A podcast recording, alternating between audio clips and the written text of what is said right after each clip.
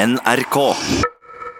Bare 2% av kinobillettene som er solgt i Norge de siste fem årene, er filmer som kommer fra land utenom eh, Europa og USA. Og det til tross for at det selvfølgelig fins eh, flere slike filmer på kino. Men etter at denne sørkoreanske filmen 'Parasitt' eh, fikk flere Oscar for et døgn siden, så tror både kinoer og distributører at flere kinogjengere kommer til å velge annerledes fremover. Skal vi se Sal 5. Randi Dalsaune og Kari Ringstad skal på kino. De skal se filmen alle snakker om akkurat nå. Den har vunnet Oscar, og så har jeg hørt om det fra mange venner som har vært og sett på den, og det er kjempebra. Den sørkoreanske filmen 'Parasitt' skrev historie natt til mandag norsk tid, da den i tillegg til tre andre Oscar-priser vant den gjeveste Oscar-statuetten for beste film. Hvor ofte går det å se film som ikke kommer fra Europa eller Amerika, da? De er jo ikke så tilgjengelige. Eh, så det er jo sånn at det som omtales i avisene, er med på å prege hva man går på. Men de er faktisk ganske tilgjengelige. Av filmene som ble vist på kino i Norge i fjor, var rundt hver tiende film fra opphavsland utenfor Europa og Nord-Amerika. Riktignok med noen færre visninger og på færre kinoer. Men filmene blir ikke sett. Tall fra bransjeorganisasjonen Film og Kino viser at kun 2% av kinobillettene som blir solgt i Norge, blir solgt til filmer som har et opphavsland utenfor Europa og Nord-Amerika. Det viser en gjennomsnittsberegning for de siste fem årene. Jeg håper jo at 'Parasitt' kan bli en øyeåpner for, eh, for, filmer fra Asia og kanskje Latin-Amerika. Altså filmer fra språkområder som ikke vi ser. Sven Jensen er daglig leder i Arthouse, en filmdistributør som har vært opptatt av å få satt opp mer uavhengig og internasjonal film på kino.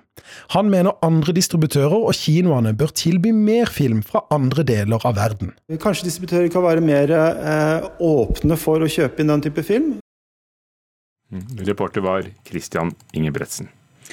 Kulturkommentator Agnes Moxnes. Eh, ja, hvis det er bra nok, eh, sa han vi hørte i innslaget her. Eh, men er svaret bedre kvalitet, hvis spørsmålet er hva skal til for at vi ser flere ikke-vestlige filmer i Norge? Ja, det kan du spørre om. Altså, vi publikummere er jo en forholdsvis konservativ gjeng. Når vi skal betale 200 kroner for en kinobillett, så velger vi jo gjerne noe vi vet hvem hva er på forhånd. Vi har favorittskuespillerne våre. De kommer gjerne fra Hollywood. Og amerikansk film har jo et kjempeforsprang. Jeg tror det er 65% av den filmen vi forholder oss til i Norge som kommer fra USA og Hollywood.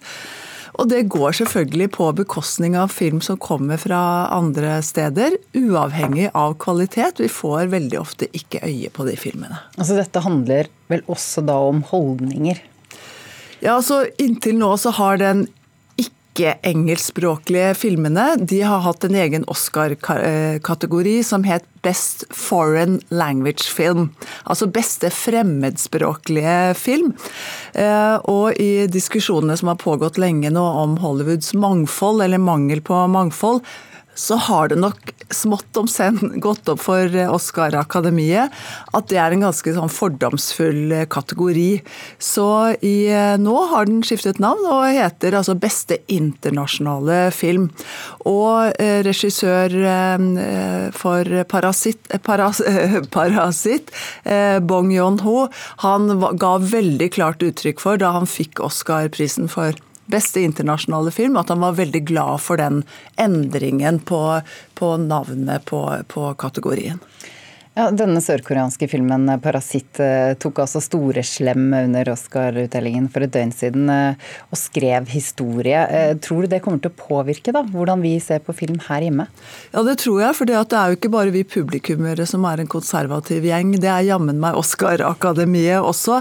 Så når de gikk for en, en sørkoreansk film i alle de gjeveste kategoriene, så betyr det rett og slett at det allerede har skjedd noe.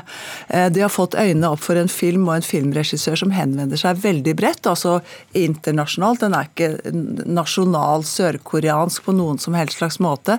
Det er et tema som angår hele verden, altså forholdet mellom rik og, og fattig.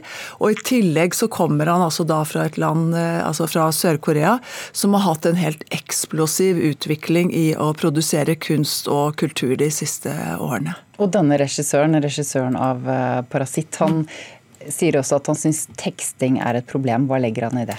Ja, altså I Norge så har vi jo tekstet filmer i alle år, men vi er et av veldig få land som gjør det. De fleste dubber filmer. Det er en kostbar affære, og det betyr at veldig mange filmer ikke er tilgjengelig for et stort internasjonalt eh, publikum. Eh, så det er hans kampsak nummer én nå. Det er ikke det at han vil ha en dubbing isteden? Han vil absolutt ikke ha dubbing. Han eh, sier til, som, til, oss som ser på, på film Eh, gå inn for ork tekstingen, eh, og så får dere tilgang på en hel haug med fantastisk film fra hele verden. Takk, kulturkommentator Agnes Matsnes. Elisabeth Grøndal, kulturreporter. I natt skjedde det noe med en norsk artist som mange følger med på. Det stemmer. Eh, I natt var det America's Got Talent sin eh, finale, og der har vi jo da en eh, norsk ung dame med, Angelina Jordan. Og hun sang sin helt egne versjon av Elton Johns 'Goodbye Yellow Brick Road'. Vant hun, da?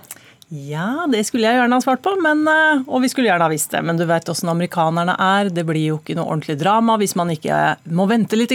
Sånn at de har kjørt finalen. Men de kårer ikke vinneren før i neste uke. Gikk det bra? Ja, vi kan høre litt og så vurdere sjøl.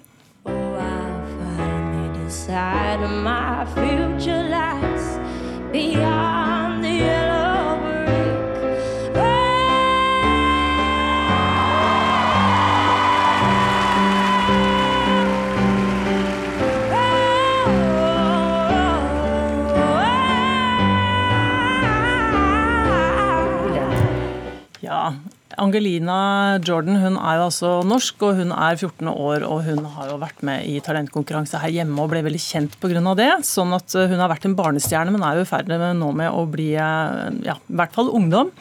Eh, og Det var stor begeistring da når, når, dette ble fremført. En av dommerne sa at hun synger hypnotisk, en annen sa at det er en melankoli i stemmen hennes som er helt unik. Og en tredje dommer sa at nå håper jeg du eh, følger med på dette her, Elton John, for dette var jo helt fantastisk. Eh, og dommeren var eh, imponert over at hun tok fram en såpass gammel sang som, som denne sangen tross alt er, og fremførte den sånn at den virka helt ny og aktuell fortsatt. Og det er jo nå bare en måned siden hun sang eh, for første gang i konkurransen. Men det er blitt relativt stor oppmerksomhet om henne der ute likevel. Blant annet så er det blitt et lite fenomen å, å filme seg sjøl mens man hører på Angelina synger. Fordi at da får folk så veldig store følelser, ikke sant. Sånn at da det, tårene renner og alt mulig sånn. Så det går an å sjekke liksom sånn. Se folk som hører Angelina synger. Nå ligges jo lysta veldig høyt for denne 14-åringen, for hun blir jo kalt en kommende superstjerne. Alle spår henne en fantastisk karriere. Eh, og hun fremstår veldig avslappet på scenen og ser ut som hun tåler det godt, men hun er fortsatt bare 14 år. Så her er det en list som ligger høyt, og det må bli et forferdelig eh, kraftig trykk av dette her for henne.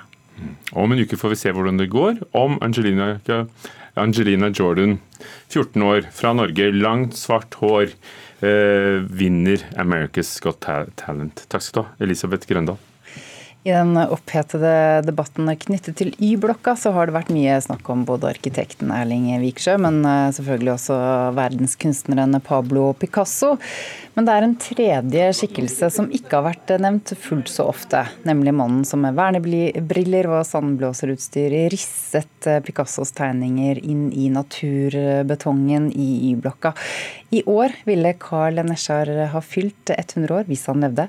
I forbindelse med jubileet viser Kunstverket galleri i Oslo Eh, hans verker. Mona Palle Bjerke, kunstkritiker her i NRK.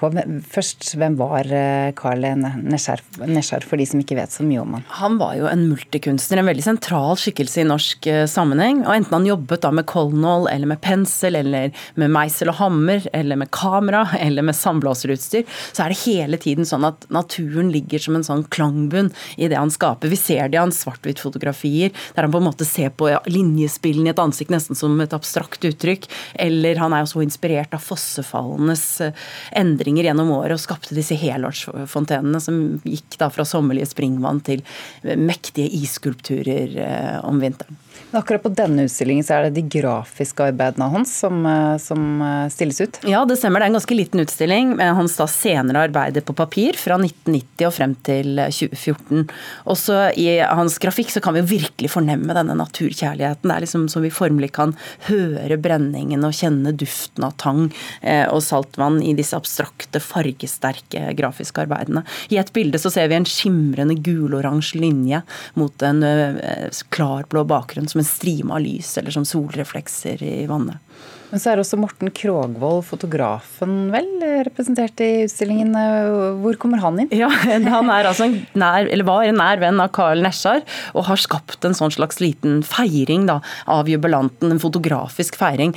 Først så er det et bilde da med et, et portrett av Nesjar selv, men så er det også to flunkende nye portretter i gåsøyene av Y-blokka. Eh, og Morten Krogvold er jo en magiker i mørkerommet, som kan forvandle ethvert trivielt motiv til eh, virkelig et kunstverk. Men dette er jo alt annet enn trivielt. Det er jo nærmest noe skjebnesvangert. Han er jo som de gamle franske 1800-tallsfotografene som ivaretar gjennom fotografiet en virkelighet som er i ferd eh, med å forsvinne her. De som da skildret Paris før ble, den nye byen ble risset opp og middelalderkvarterene ble ble revet. Det høres ut som du liker de bildene? Det gjør jeg virkelig. Altså, I det ene så er det da sånn at han har eh, vist fasaden av Y-blokka. Og her ser vi Neshars og Picassos bilde 'Fiskerne', som lyser som et sånn skinnende rektangel. Det er liksom opplyst. Mot da den litt sånn grå byen. Det dunkle kontorbygg. Kirkespir mot en sånn kald, grå vinterhimmel. Og viser dermed på en måte på en veldig enkel, men virkningsfull måte hvordan kunsten på en måte kan løfte oss ut av hverdagen og være liksom lys, et lys i en grå hverdag. Og dette var jo da, dette bildet og disse bildene var jo en gave til det norske folk fra selveste Pablo Picasso og vår egen Carl Nesjar. Så dette var, eller er, en hyllest til Nesjar og også til eh, Y-blokka? Ja, det er det på en måte, og det var jo også en stor eh, markering på åpningen fra støttegruppa for Y-blokka. Takk, kunstkritiker her i NRK, Mona Palle Bjerke.